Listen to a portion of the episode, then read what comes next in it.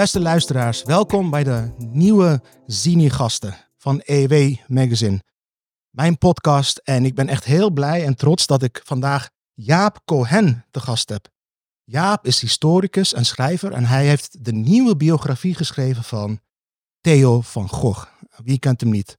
Helaas vermoord in november 2004. En ik moet eerlijk zeggen, Jaap, uh, dank dat je er hier bent uh, trouwens. Um, het is een boek van bijna 700 pagina's. En echt waar, jongen, ik maak geen grap. Ik heb het in één ruk, in één weekend uitgelezen. Nou. Het is zo goed geschreven. Het is een page-turner, zoals dat heet in goed Nederlands. Uh, dus daar wil ik je ten eerste mee complimenteren. Dankjewel. Um, Jaap, ik ga meteen met de deur in huis vallen. Want uh, een van de dingen waar ik ook heel veel ontzag voor heb, is hoe goed gedocumenteerd het boek is. En ik heb begrepen dat je er zeven jaar over hebt gedaan. Voor ja, de klopt. Ja. Waarom ben je überhaupt begonnen aan een biografie van Theo van Gogh? Proost. Ja, proost.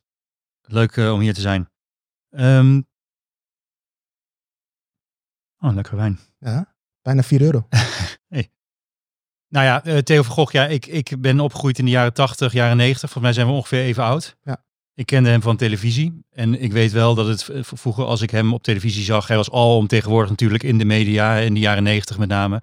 Als je hem op televisie zag, ja, het was altijd spannend. Je wist nooit wat er kon gaan gebeuren. Ik, uh, ik kan me nog herinneren, dat is zo'n beeld dat me dan bijblijft, dat ik uh, die anti-dating show van hem zag, De Hunkering. Weet je, ken je die de nog? Hunkering, ja. De Hunkering, een uh, soort van absurdistische show.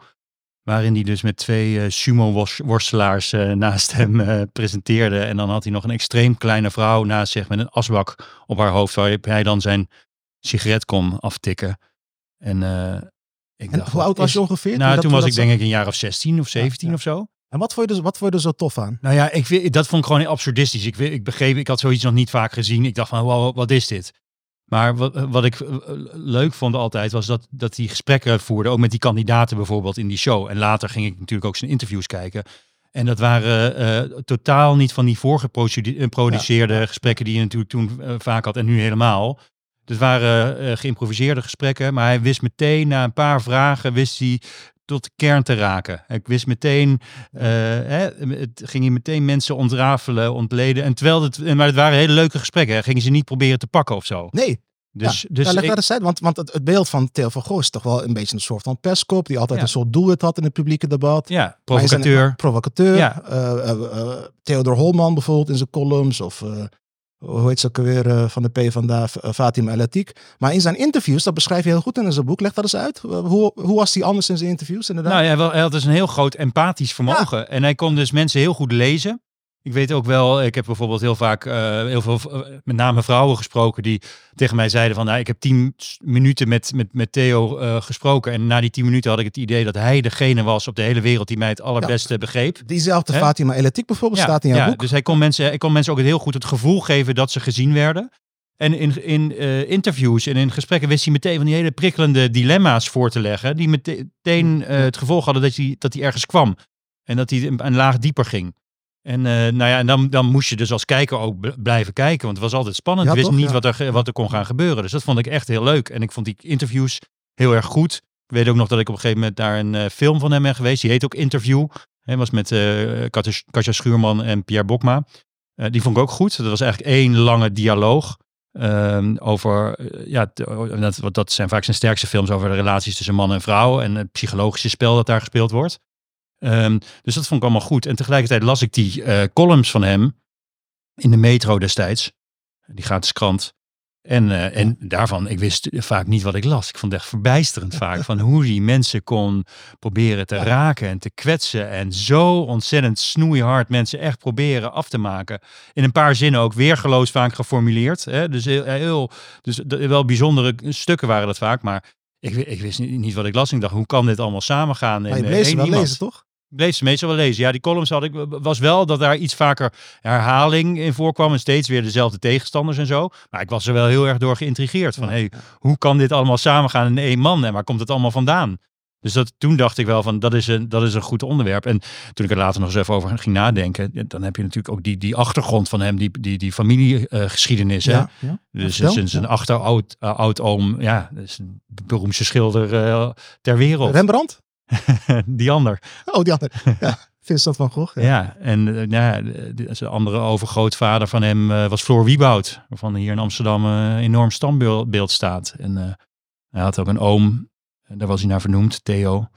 Dat was een geliquideerde verzetstrijder. Die is een, eh, twee maanden voor de bevrijding is die geliquideerd. En dan heeft hij nog weer eh, zijn opa, die dan eh, de enige erfgenaam was van alle schilderijen en tekeningen van Vincent. En die heeft ze voor Ja. een bedrag van 17 miljoen gulden in de jaren 60, wat niet niks is, maar natuurlijk wel een schijntje, Schijntje van toen al. En helemaal nu, dat het zou gewoon miljarden. Dat vond Theo zijn- niet leuk. Je hebt, je, hebt, in je boek heb je een paar anekdotes van hoe Theo daarmee omging. Met het feit dat Ja. zijn, wat was het, zijn oom of zijn, eh, Nou, zijn grootvader heeft dus dat, dat, dat die schilderijencollectie, van Vincent van Gogh. ja, heeft, heeft hij dus verkocht voor, voor 17,5 miljoen gulden aan een stichting met Ja. het idee van dan, de staat gaat dan een museum oprichten. Die verplicht zich om een museum op te Ja, richten. zodat het volk ervan kan genieten. Precies. Dus Theo zegt van, eh, ik ben eigenlijk het slachtoffer van de laatste echte sociaaldemocraten in Nederland. Er is ook een mooie scène in je boek dat hij op een gegeven moment met de megafoon, toen maakte hij inmiddels programma's voor Veronica, Ja. stond hij met de megafoon voor het Van Gogh Museum. Hier op het Museumpark in, eh, in Amsterdam. En wat, wat, schreeuwde hij toen uit? Ja. Directie van het Van Gogh Museum, geeft u mijn schilderijen terug. ja, het is wel heel grappig, ja. Ja. ja. Of dat hij een LP maakt en dan die is getiteld Leen uw oor aan Van Gogh. Weet je, dat soort die zelfspot, die en zelfrelativering zit ook in dat hele leven. En ook de in dat luisteraars boek. die het niet kennen, Vincent van Gogh sneed zijn eigen oor af. Dat is dan de, de knipoog van Theo van Gogh. Hé, maar Jaap, eh, dus, dus eh, is, is het een eh, eh, overdreven eh, conclusie eh, om te zeggen dat jij vanaf je 16 een enorme fan bent van Theo van Gogh? Nou, fan, ik weet, het, het, het was...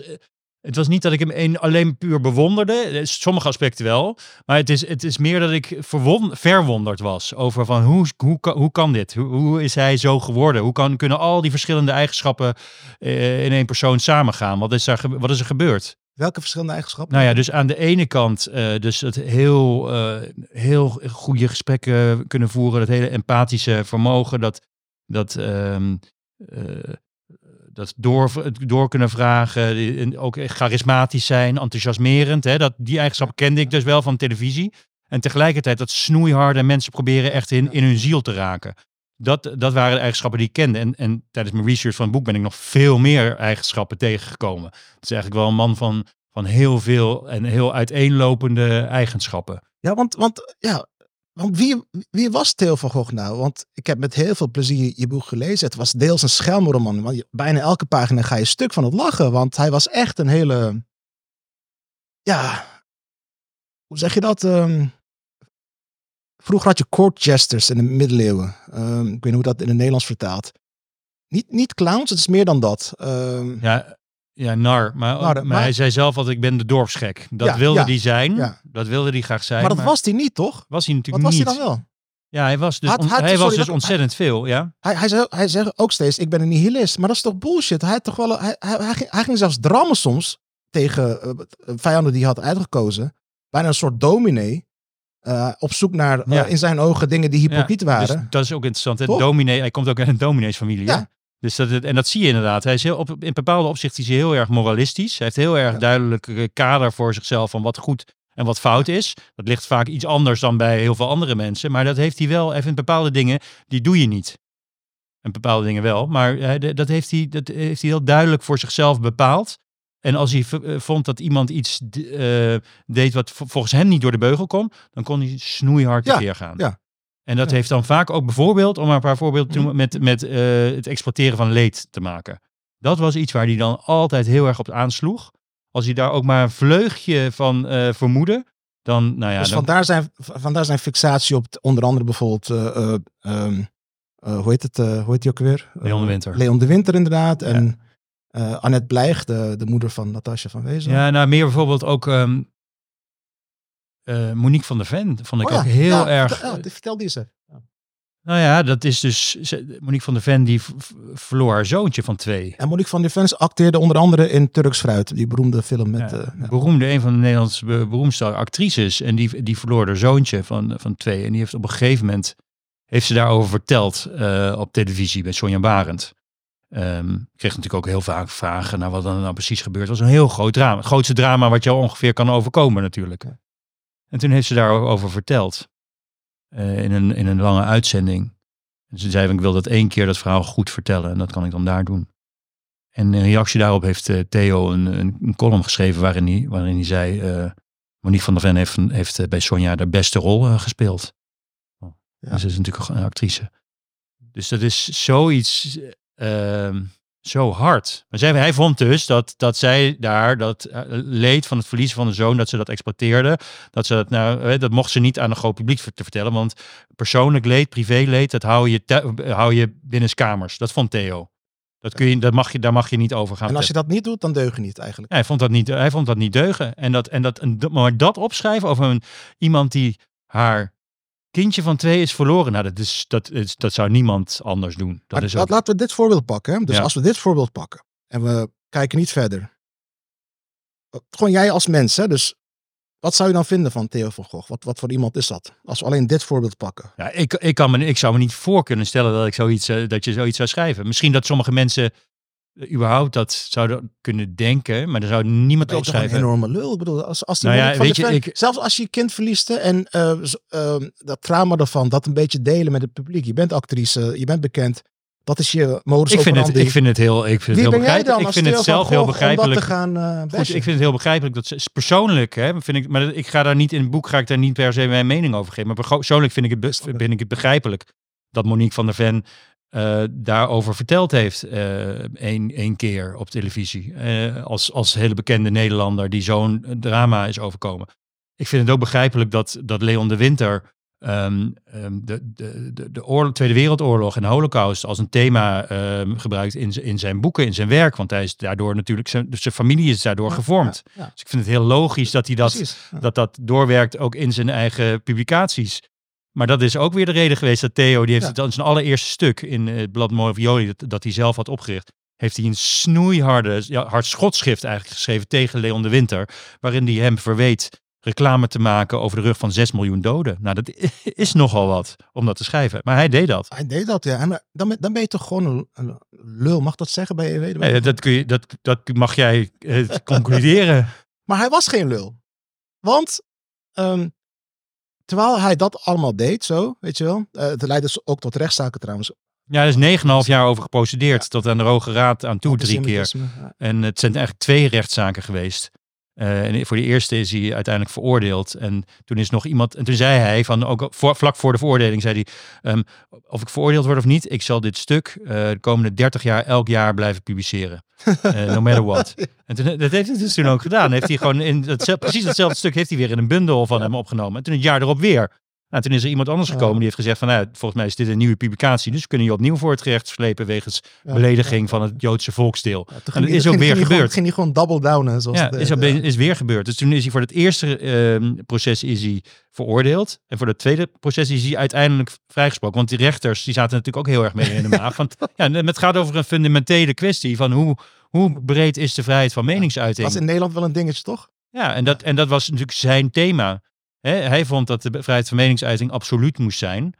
Eh, met het idee van als, je dat, als dat niet zo is. En, eh, hij vond de meest abjecte denkbeelden, die moeten eh, overal en altijd gezegd kunnen worden. Ehm, want als je dat niet toelaat, dan gaat het ondergronds. En dan gaat het ondergronds woekeren. En dan heb je er geen grip meer op. Dus ehm, Ben jij het daarmee eens? nou, ik vind dat er wel, ik vind dat er wel ge- ge- persoonlijk vind ik wel dat er grenzen zijn. Hè? Oproepen tot geweld Ja. bijvoorbeeld. Smaad en laster. Ja, dat en en. En dus- behalve, oproepen tot geweld en smaad en laster, zou, zou, nou, iedereen... ik vind, ik ben zelf persoonlijk, maar goed, ik doe, in het boek doe ik daar niet zo. Nee, nee, nee, dat- maar dat de- weet ik, maar ik maar weet- persoonlijk ben ik voor een heel, eh, wel een hele ruime interpretatie van de vrijheid van meningsuiting, zeker. Alleen niet, eh, denk ik, zo absoluut als, eh, al- als Van Gogh. Want nou ja, het is natuurlijk ook wel. Van Gogh leefde natuurlijk nog niet met sociale media. Die zijn twee jaar. niet. Die zijn twee jaar. dag te twitteren. nou, ik denk dat, nou ja, ik denk dat hij de koning zou zijn geweest van Twitter. Ja, ik denk het ook. Ik denk dat hij dan... Ik ben blij dat het niet... Nee, nee, want ik ben niet blij dat hij vermoord is, maar... Ja, dan zou hij toch weer zo'n oude witte man zijn in 2003, 2024, die dan de hele dag loopt te twitteren. eh, Ik denk dat hij briljant zou zijn geweest op dit. Ja. nou het- qua, qua, qua, omdat hij zo talig was. En hij Ja, kon zo ook eh, zo mensen zo in een paar eh, zinnen kon hij ze helemaal. Ja, bedoel, het is de vraag of, je het, of het, of het goed zou zijn voor de wereld. maar ik denk dat hij wel daar heel veel succes mee zou gehad zou hebben. En ik denk ook dat hij een dagelijkse podcast zou, gehad zou hebben. Die ontzettend veel beluisterd zou, zou zijn. Nou, ik, Maar, maar, maar ja, nog, ja, maar nog heel veel over die vrijheid van meningsuiting. Dat is, je ziet natuurlijk wel de, ehm, die, die, keerzijde met, met, met de desinformatie, de complottheorieën, de bedreigingen. Hè? Dat is daar natuurlijk allemaal ook wel weer gevolg van. Dus het is allemaal... Nee, maar, maar dat- dat beschrijf je ook goed in je boek. Theo van Gogh trok zelf de grens, en corrigeer me als ik het verkeerd heb, bij oproep tot geweld en smaad en laster. Voor de rest vond hij dat je alles eh, moet kunnen zeggen. En zelfs bij nepnieuws, ehm, want dat wil ik nog even met jou delen. En dan wil ik eigenlijk ehm, met jou praten over ehm, of Van Gogh een profeet was of niet. Kijk, wat wat, wat ik echt altijd aan hem heb gewaardeerd, Jaap, en ook aan Pim Fortuyn, dat vergeten we soms in Nederland, was dat ze, Theo van Gogh en Pim Fortuyn, waren beide intellectueel consistent, vind ik. Ehm, toen ik ehm, kandidaat-Kamerlid was voor GroenLinks, eh, werd ik door, eh, was toen nog Pauw Witteman of alleen Pauw, weet ik niet meer, met een aantal andere jonge kandidaten, nieuwe kandidaten uitgenodigd om, en we moesten allemaal een videofragment laten zien van iets dat ons heeft geraakt. Toen had ik een gesprek tussen ehm, een fragment uit het gesprek tussen Theo van Gogh en Pim Fortuyn. Volgens mij het derde interview die ze samen hadden. Na 9-11 in ieder geval. Ja, dat is het derde, klopt. En beide, Theo van Gogh en Pim Fortuyn, zitten elkaar op te hemelen. nou, niet op te hemelen, zitten, zitten, zitten samen te praten over waarom het heel belangrijk is dat ook haatimams moeten kunnen zeggen wat ze Ja. wil zonder vervolgd te worden. Ze waren consistent daarin. Ze zeiden niet vrijheid van meningsuiting voor mij en de rest niet. En ik zal je eerlijk zeggen, Jaap, dat mis ik nog in, in Nederland. Vooral uit linkshoek, maar overal. Ben ben je dat niet mee eens? Was, was hij niet, heeft hij niet zijn leven gegeven Nou. voor het vrije woord in Nederland, wat we nog steeds maar niet begrijpen? Ja, hij is wel, hij is inderdaad eh, in heel veel opzichten heel erg consistent. Hij is al van jongs af aan, eh, in die midden jaren tachtig zei hij al, ik mag toch zeggen wat ik denk. Ja. En, ehm, En dat- ook voor anderen. Ja, dus die haatimam, dat is een goede, goed voorbeeld. Die had in die tijd had je imam El Moumni. En, ehm, en die had toen allerlei dingen over homo's geroepen in de, Ja. in de media. En, en, en, en daar was toen heel veel commotie over. En toen veel mensen in de politiek zeiden van ook, jij moet het land uit. En toen heeft Theo een groot stuk in, geloof in, in? NRC, Ja. ges- over Vrij Nederland, heeft hij toen geschreven. En heeft gezegd van ja, maar zelfs ehm, de- de- deze mensen moeten de, de, eh, de ruimte hebben om, hun, om die abjecte denkbeelden te Nou, dan ben je in mijn ogen een held. Hij was dus consistent. Tegelijkertijd, bij de, rondom die moord op Fortuin, heeft hij dus links eh, die moord ver- verweten. Hè? En heeft hij gezegd, ja, eh, de, de, die kogel kwam van, kwam van links. Hij En dat- hij dat- noemde ze zelfs letterlijk moordenaars, toch? ja, In, in dat programma met, in, in Panama met, met, ja, met Jeroen en, Pauw. ja, precies. En in Buitenhof tegen Femke Halsema. Van nou, gefeliciteerd jullie, het is jullie gelukt. Maar dat is in die zin dus ook weer niet zo Ja, consistent. Dat, is- dat, is- neigt naar het lastelijke, zeg maar. Zeg je. Ja, en, en terwijl hij daarvoor bijvoorbeeld ook nog jarenlang een hele campagne had eh, eh, gevoerd tegen ehm PvdA-raadslid Fatima, Fatima Elatik. Ehm, nou, en toen zei dus in dat programma inderdaad, waar jij, waar jij aan refereert bij Pauw, zei toen zei er iemand van, of Prem was het volgens mij, die zei van, ja, dus als stel God verhoede dat er iets gebeurt met haar. Eh, zou jij, ben jij dan degene, ja. ben jij dan de, had hij geen antwoord op, Had hij geen antwoord Ja, op. Dus in die zin is het ook weer niet zo dat hij Nee, altijd consistent was. Nee, klopt, klopt. Ja, ja, Ja. ja. Ja, dat, dat, dat, dat neigde naar het lastelijke inderdaad. Ehm, Hij kon enorme campagnes en hetses voeren tegen mensen. En, en op een gegeven moment was het, dat, dat wist men wel een beetje wat, wat er met Theo van Gogh, hè, dat dat kon gebeuren. Maar met name die eerste eh, hetsen, de- ik, ik vind het zelf heel interessant dat er, om met Tom Hofman van, te praten. Dat is de acteur. En dat is zijn eh, ja, goede vriend vanuit Wassenaar, waar ze zijn opgegroeid. Tom Hofman was de acteur in, in zijn eerste, in Theo's eerste eh, speelfilm Luger. Ze waren goede vrienden, eh, intense briefwisseling.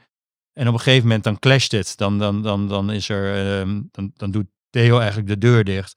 En dan begint hij een, een campagne tegen hem. Dat is ongelooflijk. dat, ik heb volgens mij hier nog een, in dat blad Moviola waar we het net over hadden. oh, heb je dat bij je? ik heb het hier Oh, toevallig wauw. bij me. Hier, hier op de achterkant is een gotisch ehm, schrift ges- geschreven lied. Tegen zijn voormalige vriend, die acteur. In, en het heet In dienst van de Gestapo. Ja, Ja, nou dat was een van de vele... In dienst van de Gestapo. Dan heeft hij het over zijn voormalige beste vriend. oh, schitterend man. Dit, dit moet toch wel gedigitaliseerd worden? Ik, ik kon het digitaal niet vinden, Oh nee, ja. toch? Nee, klopt. Ja, nou ja, dat stuk is dus heel vaak door hem zelf afge, Ja. afgedrukt in zijn columns. Dus, want dat is het eerste, stuk, het eerste ja. stuk van de... Ja, het Maar vertel eens over Moviella. Want eh, Jaap Cohen, ik ben nu een beetje helemaal. eh, ik, ik begin Ja, een beetje. Ik begin, begin te zweten van de spanning. Want ik vind het zo tof. Want Jaap Cohen heeft een exemplaar van het blad Moviola meegenomen. En vertel eens Nou ja, dit is dat de eerste stuk wat hij schreef tegen Leon de Winter. Dus eh, hier, Begin jaren tachtig zelfs, toch? Was dat? 1984, zijn Vier- allereerste artikel, een Messias zonder kruis, enige kanttekeningen bij Leon de Winter.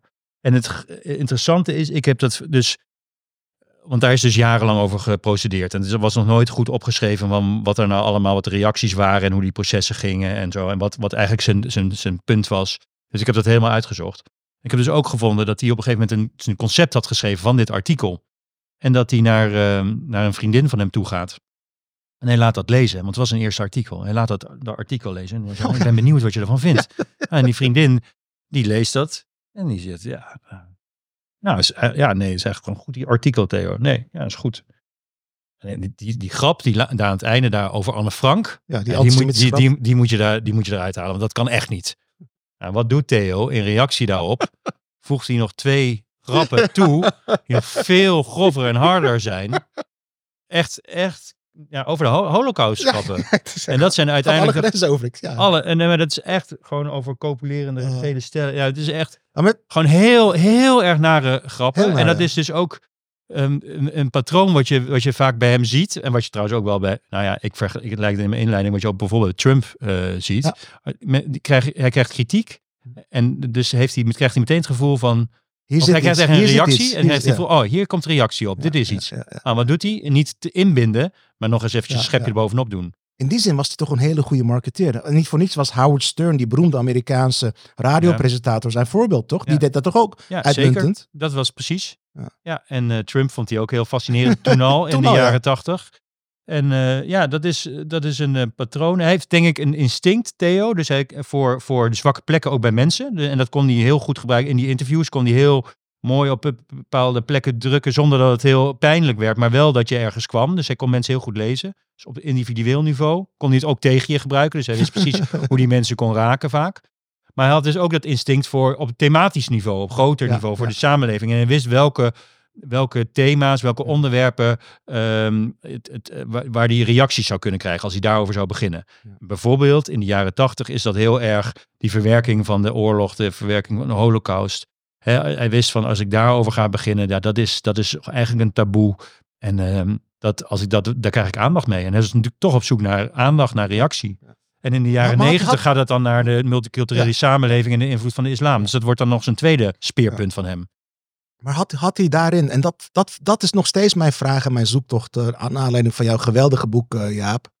Ehm, aan de ene kant blijft Theo van Gogh een enigma, maar aan de andere kant had hij toch, had hij toch, hij zei wel ik ben een nihilist, maar hij had toch gewoon een missie. Hij had toch een, een missie tegen de, eh, de Nederlandse conformiteit. Ik, ik, citeer, ik citeer altijd Wim Kan. Wim Kan zei altijd, in Nederland moet je altijd precies weten hoe ver je te ver kunt gaan. Dus ik ga nu naar mijn woorden. Dat, dat kun je het toch niet oneens zijn met me. In Nederland heb je altijd een heel nauw spectrum van debat, Jaap. Dat, is- Ja. eh, dat spectrum verschuift soms, maar het blijft even nauw. Ja. Dus soms is dit taboe, soms is dat taboe, maar het is zo... Nou, je zou zijn leven kunnen Toch? opvatten als een soort van onderzoek eh, naar, naar vrijheid. Dat Nou, de Nederlandse, Nederlandse, de intellectuele cultuur, die heel be- bekrompen is, toch uiteindelijk? Ja, en hij was dus Nog steeds. consequent, consequent op zoek naar welke heilige huisjes Ja. hij omver kon halen. Hij was altijd op zoek om, om, en om te zoeken dus naar waar die grenzen dus liggen. Hm. En om daarover dan heel hard overheen te proberen te gaan. En dat was hij als dat was toch geen terecht, ander. zeker een land als Nederland. Kom op. Ja, nou, hij stond daarin, denk ik, ook in een soort van traditie van, van eh, ook van polemisten, hè, die dat dan ook vaak probeerden. En Hermans en Reven, die vond hij natuurlijk altijd, dat, dat waren zijn helden. Ja, en daar stond, in die traditie stond hij. Alleen dat hij was nog wel een behoorlijk stuk grover eigenlijk in zijn, Ja. eh, in zijn uitingen. Dat, eh. Hij bracht het echt naar een nieuw level, zou je kunnen zeggen. Ja, toch? Ja. Dus was hij was die in, die zin, in die zin niet een soort van martelaar voor, voor, je kan bijna zeggen zelfs de Nederlandse democratie. Want ik zal eerlijk zijn tegen, Jaap, tegen jou Jaap, en ik ben benieuwd hoe jij naar kijkt. Ik vind het Nederlandse publieke debat helaas nog steeds even bekrompen als vroeger. Het is verschoven, eh, wat je nu wel en niet mag zeggen. Maar het is nog steeds heel, heel nauw. En we, we zijn, in Nederland gaat het de hele tijd over of je iets mag zeggen. eh, zo ja, door wie het gezegd mag worden en op welke toon. En vind je dat in andere landen, vind je dat, is dat anders? Absoluut. En dat had ik vroeger niet door. Maar ik heb in Amerika gewoond. Toen mijn vader ziek werd, ben ik eh, best wel lang in Turkije gebleven. Zelfs Turkije, het land van Erdogan, is het publieke de- debat veel opener. Op het scherpst van de Oh ja? snede gaan mensen clashen met elkaar. Eh, Fra- Frankrijk, Kijk, kijk, ja, wat vind jij nou van de, van de talkshows op de publieke omroep anno 2024? Nou ja, goed. Is toch, is toch, is toch, is toch, is toch, is toch niks, man? Ik, ik, ik, ja, kijk het dus inderdaad ook Nee. niet zoveel, omdat het, ik vind het niet zo spannend. Dat is wat ik juist me in, Hm. dus in zo Van Gogh aantrok, van dat, dat is niet zo voorgeposiceerd. En dat is hier vaak wel. Je wil iets laten horen. Nou, dan brengt me op een volgende punt. Want, nu komt hij. Want Van Gogh, eh, te- tegenwoordig nog steeds, dat, als oud GroenLinks-Kamerlid kan ik je dat zeggen. In, links, in linkse kringen, in veel linkse kringen, is Van Gogh nog steeds een soort van duivel. Want hij was islamofoob, hij was een racist. Maar, Theo van Gogh was de allereerste, en dat weet ik toevallig omdat ik toen in mijn studententijd, ik wist nog niet veel over hem. Ik zag op tv, zag ik Najib en Ju- Julia. Eh, door Van Gogh geregisseerde serie, geïnspireerd op Romeo en Julia. En dat was de allereerste keer dat ik in Nederland op tv een karakter met een, in ieder geval een Marokkaanse afkomst, islamitische afkomst, zag die niet eendimensionaal werd afgebeeld. Niet stereotyp. En in jouw boek las ik, want dat wist ik niet, toen was ik nog te jong waarschijnlijk. Dat was niet de eerste keer dat Van Gogh eigenlijk antiracistisch bezig was door mensen met een migratieachtergrond, met een kleur, niet stereotyp af te beelden. Hij had ook een interviewprogramma voor jongeren, waarin die dus, eh, het was een quiz, Ja, quizprogramma. wat doe jij nou? Wat doe jij nou? En dan was het de bedoeling dat drie mensen gingen raden wat iemand anders voor beroep had. En Ja. vaak waren de mensen die een beroep hadden, waren mensen met een migratieachtergrond, toch? Ja. Nou ik, heb, Ja, of een van de kandidaten of zo. Dat was, ja. nou, ik heb een paar afleveringen bekeken nadat ik jouw boek las. Het is, het, het is geweldig, man. Ja. Dat is pas echt multicultureel. Ja, klopt. En het werd ook heel populair. Ja, ja hij zit, dat was ook wel heel grappig, want hij zat daar dan in een lege, lege zwembad. zat, zat hij daar op een, eh, op een springplank die dan was afgebroken. Natuurlijk, van, dan zie je die zelfspot weer. Maar dat was heel goed. Dat waren ook weer hele goede gesprekken. Dat waren Ja. gewoon allemaal interviews met al die kandidaten, met die jongeren. En dat deed hij gewoon heel goed met een eh, kwinkslag, maar ook wel, maar echt serieuze ook gesprekken waren dat. En inderdaad, van alle, soort, alle soorten en maten eh, eh, waren die mensen. Ehm, eh, eh, eh, hij keek denk ik wel echt naar het individu. Hij keek Ja. niet naar waar je van, vandaan kwam. Dat klopt. En in die, die serie zie je dat ook terug. Ik heb veel ehm, of een aantal acteurs gesproken met migratieachtergrond. En die zeiden van hij was echt de eerste die mij niet typecastte. Ja, en dat, is, dat voelde ik ook aan toen ik Romeo en Julia zag. En ook, Najib en Julia. Ja. sorry, Najib en Julia. En ehm, wat doe jij nou ook naar aanleiding van jouw boek? Ja. En dit is dan wel, hoe komt het nou toch dat links Nederland dat dan niet, toen niet Nou ja, begreep aan Van Gogh en nog Wat steeds natuurlijk wel, eh, waar ik zelf ook wel moeite mee heb, toch denk ik, is dat hij wel op een gegeven moment consequent eh, moslims als geitenneukers ging aan, aanduiden. En eerst reserveert hij die term alleen voor, echt voor de fundamentalistische eh, imams. Maar op een gegeven moment gebruikt hij het zo vaak en dan gebruikt hij het eigenlijk voor die hele groep. En ik snap wel dat dat heel ingewikkeld is als je zelf tot die groep behoort. Dat je Ja. daar op een bepaalde Ja, manier tuurlijk. toch Nee, gestigmatiseerd wordt. En, en, dat, en, en ik vraag me ook af van hoe productief is dat? Waar, waar, wat, wat schiet je daarmee Ja, op ja, om, maar- dat, maar om dat te doen? Maar dat heeft toch niks te maken met het feit dat dat programma, die quiz van hem, Ja. wat doe jij nou, werd na twee seizoenen gecanceld terwijl het kijkcijferkanon was. Omdat, ja, ik vertaal het in mijn woorden, om, omdat die NPO-mensen, het ging een petje te boven. Het was, het, het ja, het is een beetje onduidelijk hoe dat, eh, waarom dat eh, van, van de tv af was te ontregelend. Dat, ja, dat denk ik ja. Daar houden Nederlanders niet van. Althans, Ja, de, had dan wel de- weer van, die, van die eigen Theo van Gogh eh, Ja. grapjes erin die ze dan niet leuk vonden. Dat eh, klopt. Oké, leg mij nou eens uit, Jaap. Gewoon even tussen jou en mij. Wat is er mis met die Nederlandse cultuur? Het is niet eens de Nederlandse cultuur. Ik denk dat het publiek van Van Gogh dat wel begreep. Nou ja, het, het programma had dus hele hoge, hele hoge kijkcijfers. Want het zat op een, op een tijdstip waar normaal gesproken niet zoveel mensen eh, keken. Maar die kregen op een gegeven moment dus echt gewoon ja, cultstatus of zo. Of eh, in ieder geval gingen heel veel mensen kijken. Wat is er mis met de bestuurlijke elite in, in Nederland? Zelfs in progressieve eh, omroepen destijds en nog steeds. Dat ze zijn zo bang voor iets dat niet totaal braaf is. Dat is helemaal niet veranderd, Jaap. Kom op, daar ben ik Ja. het mee eens. Ja, nou, ik denk inderdaad in de jaren zeventig eh, dat soort programma's. Hij is een jaar, Van Gogh is echt, echt een, iemand van, van, die is opgegroeid en gevormd in de jaren zeventig. Met ontregelende VPRO-programma's Ja. hè, van eh, Wim T. Schippers. En, en Monty Python. Weet je, dat soort, dat soort eh, shows en programma's. Die, dat was voor hem, dat was Nederland voor Ja. hem. En hij had het gevoel dat dat Nederland inderdaad bedreigd werd. En als je nu inderdaad naar het televisieaanbod eh, kijkt, is daar misschien eh, ook wel, zit, daar, zit er ook wel wat in. Want het is, eh, Het pruttelt maar door. Het gaat nergens over, man. Kom op. Ja. Zo verschrikkelijk. Ja. Hebben we geen nieuwe Theo van Gogh nodig? Maar dan zonder, zonder scheldwoorden. Ja, nou ja, ik denk dat hij wat dat betreft wel, wel het, ont- het ontregelende van hem wordt wel gemist. En ik zou niet weten wie eigenlijk eh, met hem vergelijkbaar is. Ja, dat is een goeie. Ja, dat Weet jij, ja, weet jij het? is een goeie. Nee, nee het is, er is nu hele, in mijn beleving is daar nu helemaal geen ruimte meer voor. Nou, ik denk, eh, als hij geleefd had, had hij ook nog gewoon diezelfde ruimte genomen, hè? Dat, ik, denk, ik denk nog steeds dat hij, als die podcast van hem, als hij die zou hebben gehad, zou ja, dat is enorm waar, ja. bekeken, had eh, geluisterd worden. Dat, dat, dat, Dat is gewoon, ja, het is ja. niet zozeer dat het, dat het nu geen ruimte meer voor is, maar het is meer dat, dat er gewoon niemand is zoals hij. Nou, hij had zijn eigen publiek gecreëerd. Want dat beschrijf je ook Ja. heel mooi in zijn boek. Uh, in jouw boek over Theo van Gogh bedoel ik. We hebben het nu over eind jaren 90. Nou, ik ben oud genoeg om me te herinneren. eh, onze luisteraars waarschijnlijk ook bij EW. Ehm, de eerste eh, jaren van internet waren, weet je nog, zat je thuis en had je zo'n telefoonverbinding en ging Weet je nog? Ik ken dat, dat geluidje nog, ja. Ja. En het was helemaal niet zoals nu. Laat staan dat je lopend ergens op je, in je broekzak internet had. Maar Theo van Gogh was de eerste die internet gebruikte. Hij had zijn, een van de eerste publicisten die een eigen website had. En hij ging daar zijn columns plaatsen. Want hij werd overal ontslagen met zijn columns. Mm, dus hij was in die zin een voorloper. Da- Daarom denk ik dat je wel een punt hebt. Hij had in deze tijd ook zijn eigen publiek. eh, Ik denk dat hij wel een voorloper ook van Geen Stijl bijvoorbeeld is geweest. ja, ja. Maar het is wel grappig, want hij was een totale digibet, hè. Dus hij kon, Hm. eh, hij, hij kon dan niet eens een sms eh, versturen. En hij kon, dus hij ging dus elke week met, hij had wel een, een, eh, een, op een gegeven moment een tekstverwerker, van- dus een, een MS, wat is het, Word Perfect of zo, dat kon hij dan wel. Maar dan ging hij met zijn floppy, ging hij elke week ging hij dan op de fiets naar, zijn, naar die webmaster toe, Karel Gabler. en dan leverde hij persoonlijk die, die floppy in, zodat Karel dan dat website, op, zijn, ja. eh, op de website kon, eh, kon plaatsen. En de website heet gezond, de De gezonde, gezonde roker. rokers. In, dus eigenlijk inderdaad, dus de eerste echt veel gelezen opinierende website in Nederland eh, geweest. Ik kreeg ontzettend veel aandacht. Ja. Al die, ook alle redacties. Ik heb ook wel gehoord van, van de redacteuren die bij, bij bladen werkten toen in die tijd. En die zeiden van ja, we moesten elke week gingen meteen eh, kijken naar wat Theo had eh, Ja. op de gezonde roker. Dus dat, die website Omdat werd voor heel de erg rest zo saai was En het werd op een gegeven moment werd het ook een soort van verzamel eh, eh, groepje of een van, van andere controversiële columnisten ja. die overal ook zelf waren Ebru ontslagen. Umar Of- begon daar toch? Ebru Umar is begonnen, heb allemaal helemaal rijk en nu een paar andere. Misha Kat. Oh god.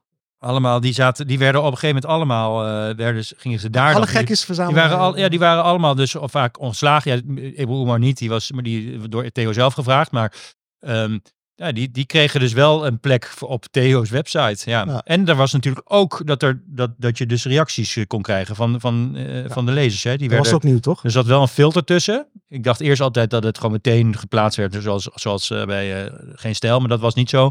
Dus de, de webmaster die, die, die, die, die bekeek ze, die las ze en die, maar en de die filter, ze daarna. filter was op uh, scheldpartij of bedrijven? Nou, hij, hij, hij plaatste gewoon af en toe, elk stukje plaatste hij een soort van mix van reacties erop. Dus eh, het wa- er zat verder niet een enorme strategie achter.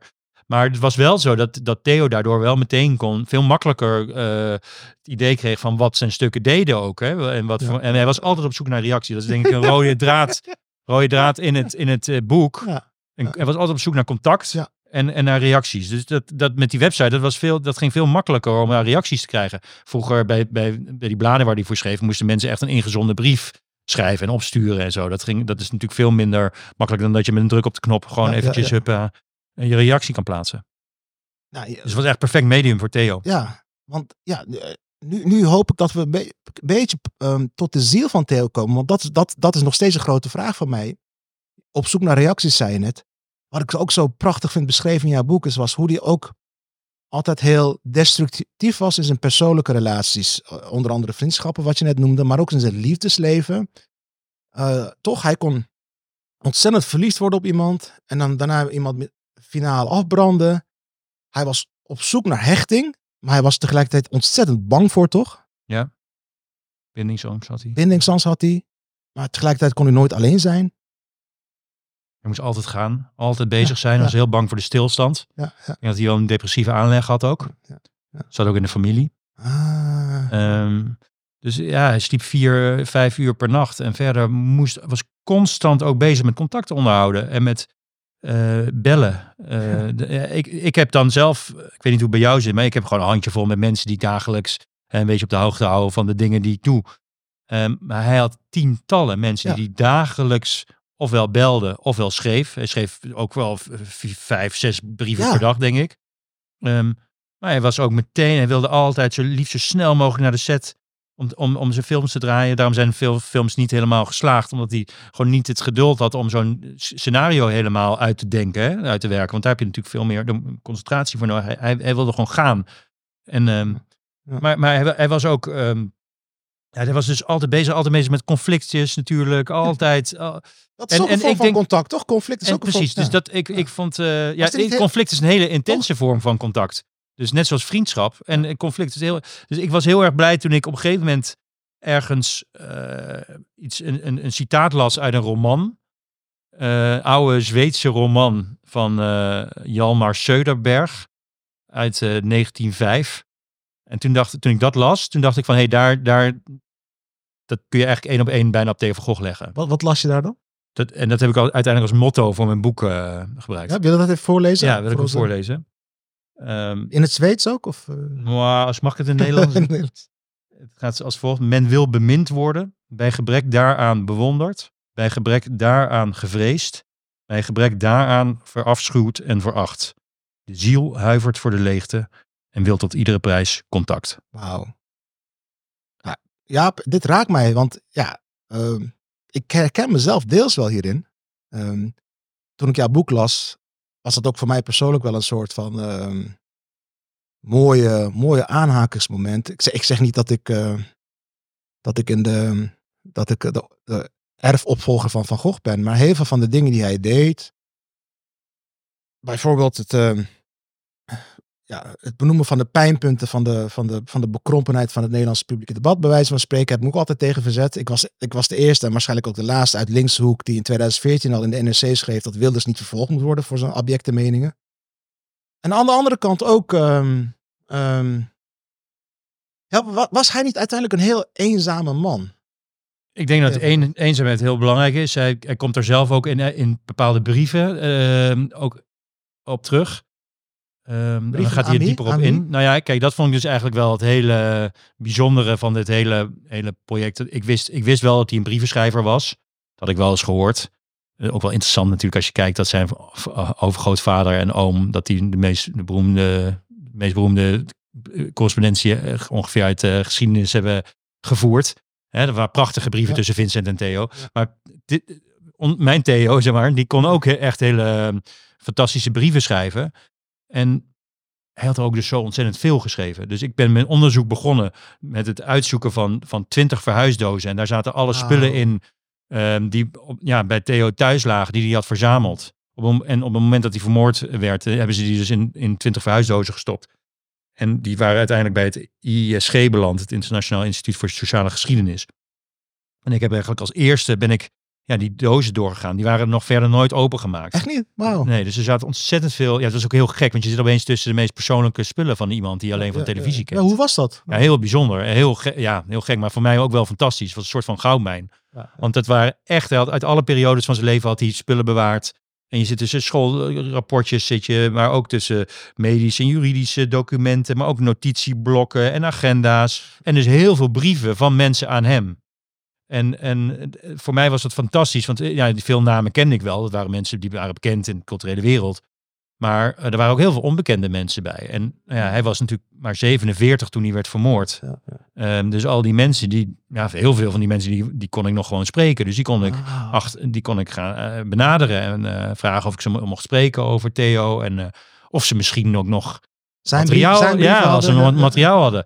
Nou ja, en dan lag het er vaak een beetje aan of ze dan eh, nog steeds, of tot het einde vriendschappelijk eh, met hem waren omgegaan of dat ze ruzie met hem hadden gehad. En als ze ruzie met hem hadden gehad, dan was het vaak, had dat behoorlijke impact vaak. Hè? Want Ja, kon, hij- kon natuurlijk heel intimiderend Ja. zijn. Ja, ja, vertel dat eens. Want hij was heel intens in zijn liefdes, bij wijze van spreken. Ja. Maar hij was ook heel intens eh, wanneer het ging dat hij iemand probeerde haatte kapot of- te maken vaak. En dat zie je dus ook in die brieven terug. En sommige van die correspondenties, die zijn fantastisch. Want dan zie je dus hoe die lieve, troostende, vertederende brieven die hij kon schrijven. Maar als het dan omsloeg, kon die mensen echt, eh, eh, echt boosaardig zijn. Kon die echt Wat, schreef hij dan bijvoorbeeld? Kun je dat een beetje... nou ja, bijvoorbeeld wat ik heel mooi vond was, eh, de, of mooi, wat ik heel interessant vond, was eh, die, de correspondentie met Tom Hofmans, waar we het net over hadden, maar ook bijvoorbeeld met Connie Palme. Hmm. Want die hebben, zijn dus een, eh, anderhalve maand eh, echt heel erg intens bevriend geweest. Was, zij zat net in de, in de rouw, want eh Isra Meijer, haar grote liefde, was net overleden. En ze in een hele donkere periode, maar ze leert dan Theo kennen. En nou ja, binnen de kortste keren richt haar aandacht zich volledig op hem. Dus ze, hebben, ze heeft allemaal mensen om zich heen die haar steunen. Maar hij ontfermt zich over haar en zij richt haar aandacht helemaal op hem. En dan elke dag schrijven ze dan in die zomer van 1995 bij elkaar één of twee brieven per dag. Nou, en dat zijn dus. Ah, dat is veel, toch? Ja, dat is heel veel. En zij gaat op een gegeven moment naar Frankrijk toe, Bretagne. En dan eigenlijk zit ze daar vooral op die kamer nou, te wachten op brieven van hem en brieven te schrijven naar hem. En dat zijn hele mooie brieven. Die gaan ook echt over allemaal verschillende thema's, over het schrijven en over, eh, en over de liefde. Maar op een gegeven moment dan analyse, zij is natuurlijk ook heel erg van psychologiseren, van analyseren. En op een gegeven moment zegt ze een paar dingen, ook die wel raak zijn. Ze zegt zelfs de woorden, schrijft ze, eh, soms denk ik dat je erop uit bent om vermoord te worden. Dat schrijft ze gewoon letterlijk in, eh, in zo'n brief. En dan de brief die daarop volgt, nou, die is zo ontzettend snoeihard. Wat zegt? Allerlei verschillende dingetjes.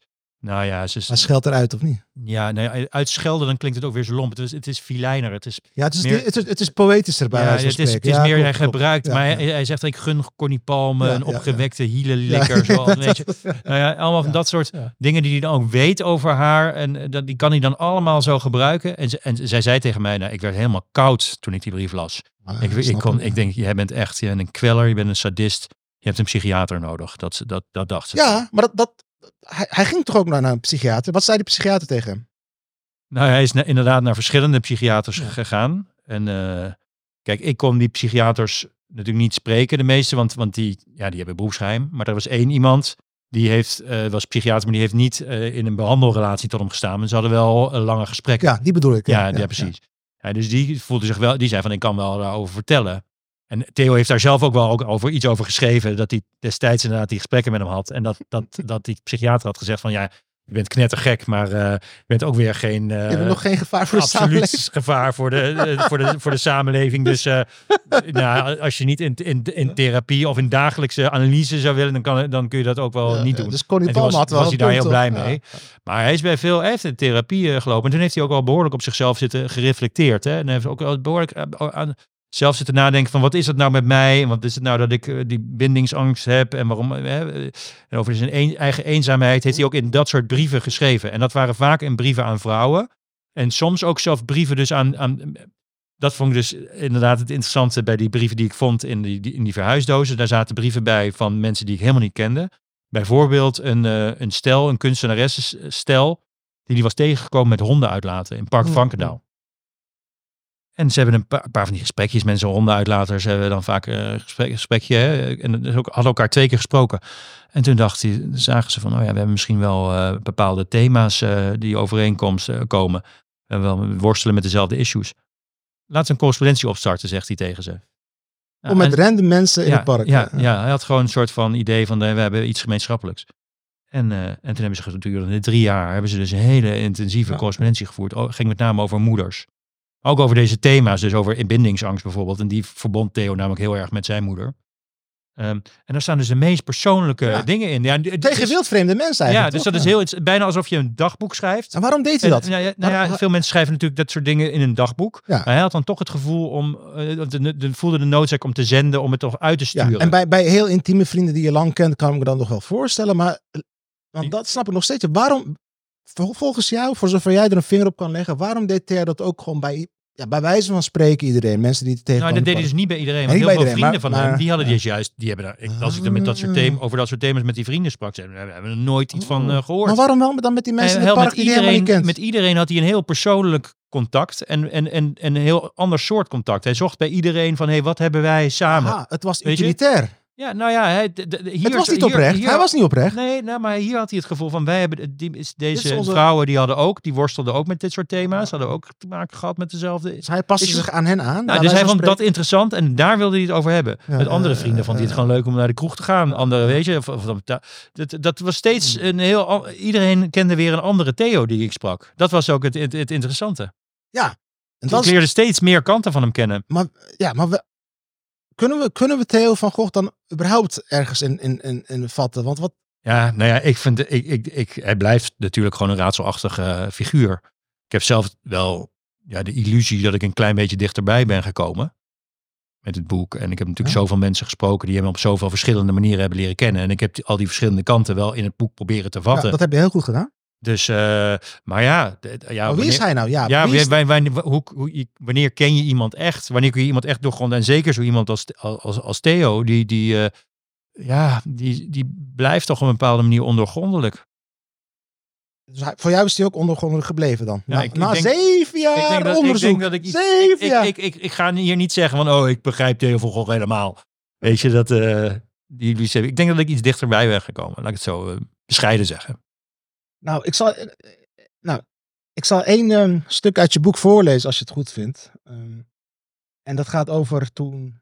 We hadden het er net over dat, dat quizprogramma van hem. Wat doe jij nou? Dat hele hoge kijkcijfers oogst op, oogst op een gegeven moment. Die werd plots gecanceld door de, eh, eh, wat tegenwoordig de NPO heet, NPO-bazen. En toen zei Theo van Gogh het volgende. En ik citeer nu. Eh, er zijn verschrikkelijkere dingen in de wereld dan het opheffen van een ontregelende tv-quiz. Maar als u mij vraagt, hoe komt het nou dat de weekdieren, die zelf niets kunnen bedenken in omroepland, altijd de macht hebben met hun stencils en rapporten? Dan moet ik antwoorden, omdat de meeste boven ons gestelden in het duistere Hilversum niet geïnteresseerd zijn in het maken van spraakmakende programma's, want de god van de Nederlandse televisie is een middelmatige. En u? U bent maar een domme kijker. Jaap, dit citaat. Dit gaat toch over iemand met een missie? Je, dit zeg je niet als je geen missie hebt om de, ehm, om de beperkte, benauwde, eh, brave Nederlandse intellectuele cultuur, mediacultuur, om die open te breken. Theo van Gogh was toch in die zin wel een profeet, een, iemand met een missie, een martelaar. Ondanks al zijn zogenaamde nihilisme en eh, als een, als een uh, narige kanten. Ja, martelaar vind ik altijd wel zo'n groot. Maar ik, ik denk dat hij inderdaad altijd bezig was met openbreken. Hij werd ook altijd bij nieuwe media-initiatieven werd hij er altijd bijgehaald. Hè? Die had op een gegeven moment de krant op zondag. Dat was toen heel nieuw. Dat, dat bestond niet. Nou, met meteen Theo van Gogh als eh columnist Maar er gebeurde wat, dat ja, wisten precies, mensen. precies. Of commerciële tv was toen ook nieuw. Ja, eh, eh, Theo werd erbij gehaald bij Veronica. Ja. website, talk radio uit Amerika overgewaaid. Iets heel nieuws wilden ze hier in Nederland ook proberen. In, nou, wie, wie gaat daar vijf ochtenden in de week Ja, van, ook. van zeven tot tien. Eh, dan moest hij dus ochtends eh, vroeg, werd hij door Frederik Spicht werd hij Oh. opgehaald in een klein, in haar kleine autootje. Stond ze daar voor de deur, moest hij, paste die bijna niet in. Maar goed, hij, hij kon nog niet rijden zelf. Dus hij had gezegd van dan rij, rij ik jou wel mee, mee daar naartoe. En dus hadden ze samen zo'n talkradio programma. Elke ochtend. Nou, heeft hij een heel jaar hebben, hebben ze dat samen gedaan. Nou, werd, dus Theo Vrol werd daarbij gehaald. Nou, met- hetzelfde met die website. Dat is ook natuurlijk een nieuw, vernieuwend ja, ja. media-initiatief. Ja, hij wilde het openbreken. Hij wilde alles overal openbreken. Wel, tegen elk taboe, elk taboe wilde hij ingaan. Eh, elk heilige huisje wilde hij eh, omver Ja. trappen. Dat was, dat was zijn missie, zou ik inderdaad kunnen zeggen. Over Frederike Spieg gesproken trouwens. Die ken ik, ik persoonlijk uit Rotterdam. Ja, wat het is, ik heb in jouw boek, dat wist ik allemaal niet. Dus dat eh, Theo van Gogh en zij samenwerkten. Maar ook, want voor de mensen die niet weten, eh, Frederike Spicht is lesbisch, prima. Maar Theo van Gogh wist dat en probeerde haar te versieren, toch Jaap? Wat deed hij? Wat deed hij toen?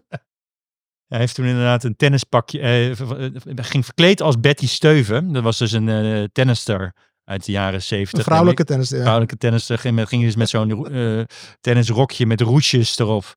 Dat had hij nog uit de film. Dat hij, Erwin Olaf had ooit een film gemaakt. En die zei van, jij moet daarin als, eh, als Betty Steuven verkleed. En dat had hij toen gedaan. Er staat ook een foto van in het boek. Heb je het gezien? Nou, ja, ik heb gezien. Ja, ja, ja. Dus, Eh, eh, de Bolle Gogh heet het boek van Jaap Quent trouwens. Moet jullie echt lezen. Ja, en eh, toen is hij als ver- verkleed als Betty Steuven heeft hij daarbij daar aangebeld eh, op de galerij Ja, flat waar ze was- toen woonde. En toen zei het enige wat ik heb opgelopen is, is een blaasontsteking. Want het was daar, waaide daar heel hard en ze had En ze deed hem niet eens, eh, ze vond, kon heel goed met hem opschieten, maar ze had echt totaal, eh, zag ze hem niet. eh, Maar hij was gefascineerd door haar, toch? Want op een Ja, gegeven, hij moment- op een gegeven moment komt de vriendin van Frederik komt aan Ja. en dan wordt hij boos. Ja, ze zitten samen, hebben ze een week in Frankrijk. is gewoon allemaal heel leuk. En dan, dan komt haar vriendin en dan wordt hij wel jaloers. Ja, Want, jaloers had hij. Ja, maar dat kon hij niet ook niet onder stoel nee, op banken nee, steken, nee, toch? Nee, nee. Ja. Toen, is, toen is hij daar weggegaan. Oh, Ja, dat is echt, echt, echt lieve luisteraars. Ehm, eh, het- ja, ik, ik, ken Jaap niet, dus niet omdat ik hem mag, ik mag hem niet eens. Maar zijn boek moeten jullie echt kopen. Het is echt, het, ga, het is ja, bijna op elke pagina schiet je een lach. Maar het is niet alleen een lach omdat het grappig is, maar ook elke keer iets. Ik weet niet of dat je intentie was, Jaap. Het zegt ook iets over de, vind ik, over de Nederlandse cultuur, de Nederlandse eh, intellectuele cultuur, laat ik het zo zeggen.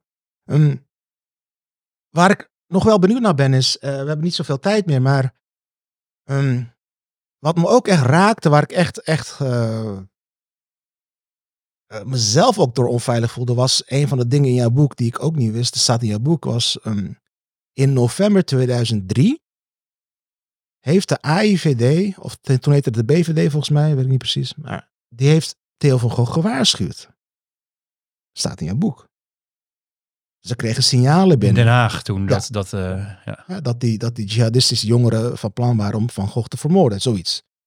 En Nou, jongeren, dat weet ik niet. Er waren signalen in ieder daar was geval. signalen. Ik vul het even in, qua, want Ja. wat moet anders zijn geweest? Ja, ja, precies. Maar- er waren signalen. Dat Wat voor signalen waren dat dan? Waren dat radi- geradicaliseerde boeddhisten? Of, eh, Nee, maar het is niet Ja. duidelijk wat voor signalen. Want dat is Maar, nu dan heel eh, vaag over. Maar nee, ja. het is precies. Maar dat, Ja. gevaar, dat er een gevaarlijke situatie zou kunnen... en, en, en ik zal je wat zeggen, als oud-Kamerlid, als de AIVD of de, voor, eh, voorloper BVD jou proactief waarschuwt, dan is er echt serieus aan de hand. Dat is geen grap. Oké, nu komt hij.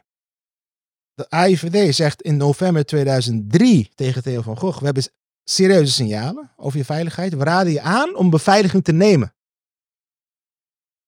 En Theo van was iemand van, ja, rot op, ik ga geen beveiliging nemen. eh, eh, ik ben maar een hofnar, whatever. Maar wat, wat, wat, dus, wat me dus echt raakt van, waarom de fuck ging de Nederlandse overheid, we hebben het nu over, we hebben het nu over ehm, een, jaar na, een jaar na Pim Fortuyn. We weten dat Nederland geen naïef land meer is. Aanslagen gebeuren, dit soort signalen zijn serieus. Waarom ging de overheid niet proactief hem beveiligen? Waarom lieten ze het aan hem over? Ja, dat is een hele goede vraag. Ja, nee, tuurlijk. Als iemand eh, echt gevaar loopt, moet hij beveiligd Dat worden. is toch ook... dat- En eh, hij is op een gegeven moment is, is, is Theo ehm, twee dagen geloof ik beveiligd. Maar was meteen eh, bekend dat, dat, dat die beveiliging van 9 tot, ja, tot de wijk, zes zou wij- zijn. wijkagent, die moest om zes in huis ja, voor de, gezegd- voor de nou, sperziebonen. Maar dat, eh, dat Ja. eh, de onze, mijn vrienden van Al-Qaeda rekening houden met, de met de uren van de, de, de diensttijden van de, van de Amsterdamse politie. Ja, dat, dat, dat, wa- dat was een wijkagent die dan om zes uur naar huis moest om sperziebonen te eten, bij wijze van spreken. Ja. Ja, en bij, ja, En weet je waarom ik dit zeg? En nu komt het, ja, ik wil, ik wil eigenlijk zelf hiermee eindigen, maar dat is aan mijn mening. Ehm, ik heb, ik heb eh, drie of vier jaar geleden had ik, ehm, wa- was er een debat in de Bali. ehm, en Juri Albrecht, die, die jij ook hebt ge- gesproken voor dit ehm, boek. Ehm, we hadden het toen over de vrijheid van meningsuiting. En Juri Albrecht vertelde over hoeveel moeite hij had met het vanuit de gemeente Amsterdam regelen van beveiliging voor buitenlandse intellectuelen die, die bedreigd, serieus bedreigd werden. Dan hebben we het over Charlie Hebdo-medewerkers, dissidenten uit Iran, noem het maar op. Die worden serieus met de dood bedreigd. Internationale grote namen, die worden naar de balie gehaald door Juri Albrecht. En het lukt hem maar niet om beveiliging te krijgen vanuit de Amsterdamse gemeente. Ik zei toen, ik, ik ging ervan uit, ja, het heeft te maken met geld. We, we, we, hebben onder Rutte en de PvdA hebben we zoveel bezuinigd op eh, politie en capaciteit. En toen zei Jury iets. Nee, het heeft helemaal, er is genoeg capaciteit om dit te doen. De Nederlandse beveiligingsdiensten hebben gewoon geen zin in gedoe. En dat merkte toen ik jouw boek las over 2003. Theo van Gogh, AIVD, waarschuwt hem en zegt: Ja, zoek het maar uit, bij wijze van spreken. Dat zei ze niet, maar zoek je eigen beveiliging. Waarom vertel ik dit? Ja, die Nederlandse bestuurlijke cultuur. Of het nou de, bij, de, bij de publieke omroep is of bij de veiligheidsdiensten. Het is toch ook een. Theo van Gogh had daar toch gelijk in. Zo'n gezapige cultuur van eh, niks willen, niks doen, eh, braaf. Ja, ik vind dat ingewikkeld om daar iets over te zeggen. Ik want weet- ik kijk, weet ik, Ayaan, dat- Ayaan in, die, ja. in die periode werd natuurlijk juist heel erg beveiligd aan alle kanten. En dat is natuurlijk uiteindelijk de reden waarom eh, eh, Mohammed B. eh, Ja. voor Theo gekozen heeft. Hij was eigenlijk, had het eigenlijk op Ayaan gemunt. En Theo wilde natuurlijk geen ook geen beveiliging. Maar hij, hij, hij, hij lacht het eigenlijk weg. Hij zei altijd, ik ben de dorpsgek. Ja. Ik geloof in mijn eigen arrogantie. Hij bleef op zijn fietsje door ja, maar de fiets. is, eh, de, door de IVD bood hem geen beveiliging aan. Nee, en ja. dat vind ik raar. En die ja, dat tijd was ook heel gek. capaciteit. Zeker, want als je, als je kijkt ook naar wat er allemaal aan signalen binnenkwamen. Tenminste, ook als ik ben er nu voor het boek gaan kijken naar die laatste 1, 2 jaar. Hmm. Hè, van wat, wat, wat, wat kun je allemaal zien? En eh, nou, je- aan, aan, aan dreigmails die er bij de gezonde roker Hmm. bijvoorbeeld binnenkwamen. Maar ook op andere manieren. Ehm,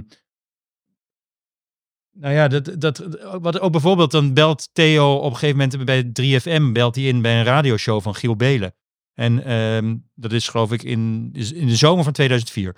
En dan, Giel Belen die, zet dan, eh, die gaat dan zijn, zijn luisteraars toespreken. En dan zet hij een spannend muziekje op. En dan zegt hij, jongens en meisjes, eh, hier is Theo van Gogh. Zal hij het eind van het jaar halen? Weet je? En dan, terwijl hij dat zegt, dan denkt hij van, hey, en, en Van Gogh is aan de lijn, denkt hij van, hé, hey, dat is misschien toch niet zo'n leuk grapje. Maar alleen al het feit dat hij dat Ja, doet, ja, ja, dat geeft al aan van hoe eigenlijk Hoe iedereen eh, ja, ervan overtuigd was, of tenminste aanvoelde van, hé, hey, die, die, die man die loopt eigenlijk wel gevaar. Er zou best wel eens iets kunnen gebeuren. Precies, en hij, en hij, en hij pra- praatte zichzelf aan, begrijp ik ook uit je boek. Dat zou ik misschien ook gedaan hebben van, ik ben maar de, inderdaad de, ho- de, de, De dorpsgek. De, de dorpsgek, mij doen ze niks. Maar dat is om jezelf een beetje een goed gevoel te geven. Want ik zou je één iets zeggen over de radicale, salafistische, jihadistische islam. Het maakt dan helemaal geen F uit of het de dorpsgek is of niet. Je moet dood als je bepaalde dingen zegt. Ja. En nou goed, je hebt, jij hebt hier geen antwoord, ik ook niet. Maar ik denk, ik denk wel van. En, ehm, eh, dat, dat, dat de Nederlandse. ehm, Het is natuurlijk de veiligheidsdienst hè, die daarover gaat. Ja. Die had natuurlijk, ja, zeker als je nu in retrospectief, ja, het is natuurlijk bizar dat, die, da- dat, dat ze hem zo over straat hebben laten fietsen. ja, precies. Terwijl ze BV wisten. de BVD destijds, of de AIVD, ik weet Ja. niet. Ja. Ja. Maar goed, ja. Nou, Ja, ja. Jaap, laten we toch eh, deze podcast een beetje positief eh, eindigen. Ehm, jouw boek heet De Bolle Gog. ja. Want hij spotte daar zelf ook mee. Met Nou, zijn, hij, zijn, noemde, hij noemde zichzelf ook de Bolle Gog. Met name in de jaren negentig had hij zo'n frase aan het eind van de brieven. Hè, de, de dikke kus van de Bolle Gog. en ik vond dat ook weer heel kenmerkend. Net die zelfspot, die zelfrelativering. Hè, die hij altijd had. Hè, die, die, die, die klinkt daarin door. Volgens mij, het, het, het geeft ook aan dat hij zichzelf altijd buiten de groep wilde plaatsen. ja, Met- ja. Ik denk ook eh, met de bedoeling dat niemand, niet iemand anders dat, dat ging doen. Hè, dat hij ze voor was, als het ware. Ja. Zoals Nederlands elftal, als het Nederlands elftal speelt, gaat hij, eh, ga- gaat hij ook naar de wedstrijd kijken, maar doet hij een shirt van Duitsland aan. Weet je, dat is zo, dat, dat, dat soort gedachten, dat zie je overal door. Dus daarom dacht ik van, het is, het is wel een, een goede titel. Een vriendin van hem die, die ik sprak, die was het, vond het verschrikkelijk. Die vond het heel Oh ja? erg beledigend dat ik dat had eh, gedaan. Maar toen dacht ik van, nou, het vond ik wel eigenlijk ook wel weer ironisch. Dat een vriendin van de, eigenlijk een van de grootste eh, treiteraars van, van het land, dat hij dat, hij dan bele- beledigd Ik denk dat Theo niet heel erg erdoor beledigd zou zijn geweest. Maar ik vond het ook wel passend, omdat hij natuurlijk altijd zoveel ruimte inneemt. Dus Maar, zowel fysiek ja, als, ja. als in het maatschappelijke debat. Nou, in jouw boek las ik ook dus dat hij in een van, ik weet niet welke, in een van die tv-programma's, dat hij dus ironisch ook eh, reclamespotjes had voor afvalproducten, terwijl hij 130 kilo woog, weet je wel. Ja, ja, ja dat, deed hij, dat soort dingen deed hij altijd. Ja, ja, ja. Nou Jaap, ehm, tot slot. Ik kan nog urenlang doorgaan hierover, want ik ben echt ook een fan van Theo van Gogh al sinds ik ehm, Najib en Julia zag. Jaap Cohen. Wat is, als je, je, mag, je mag maar twee zinnen uitspreken over Theo van Gogh als boodschap voor het land anno 2042, de erfenis van Theo van Gogh. Wat is die? Hij ehm, zal altijd in één adem worden genoemd met de vrijheid van meningsuiting. Met het eh, debat over de multiculturele samenleving.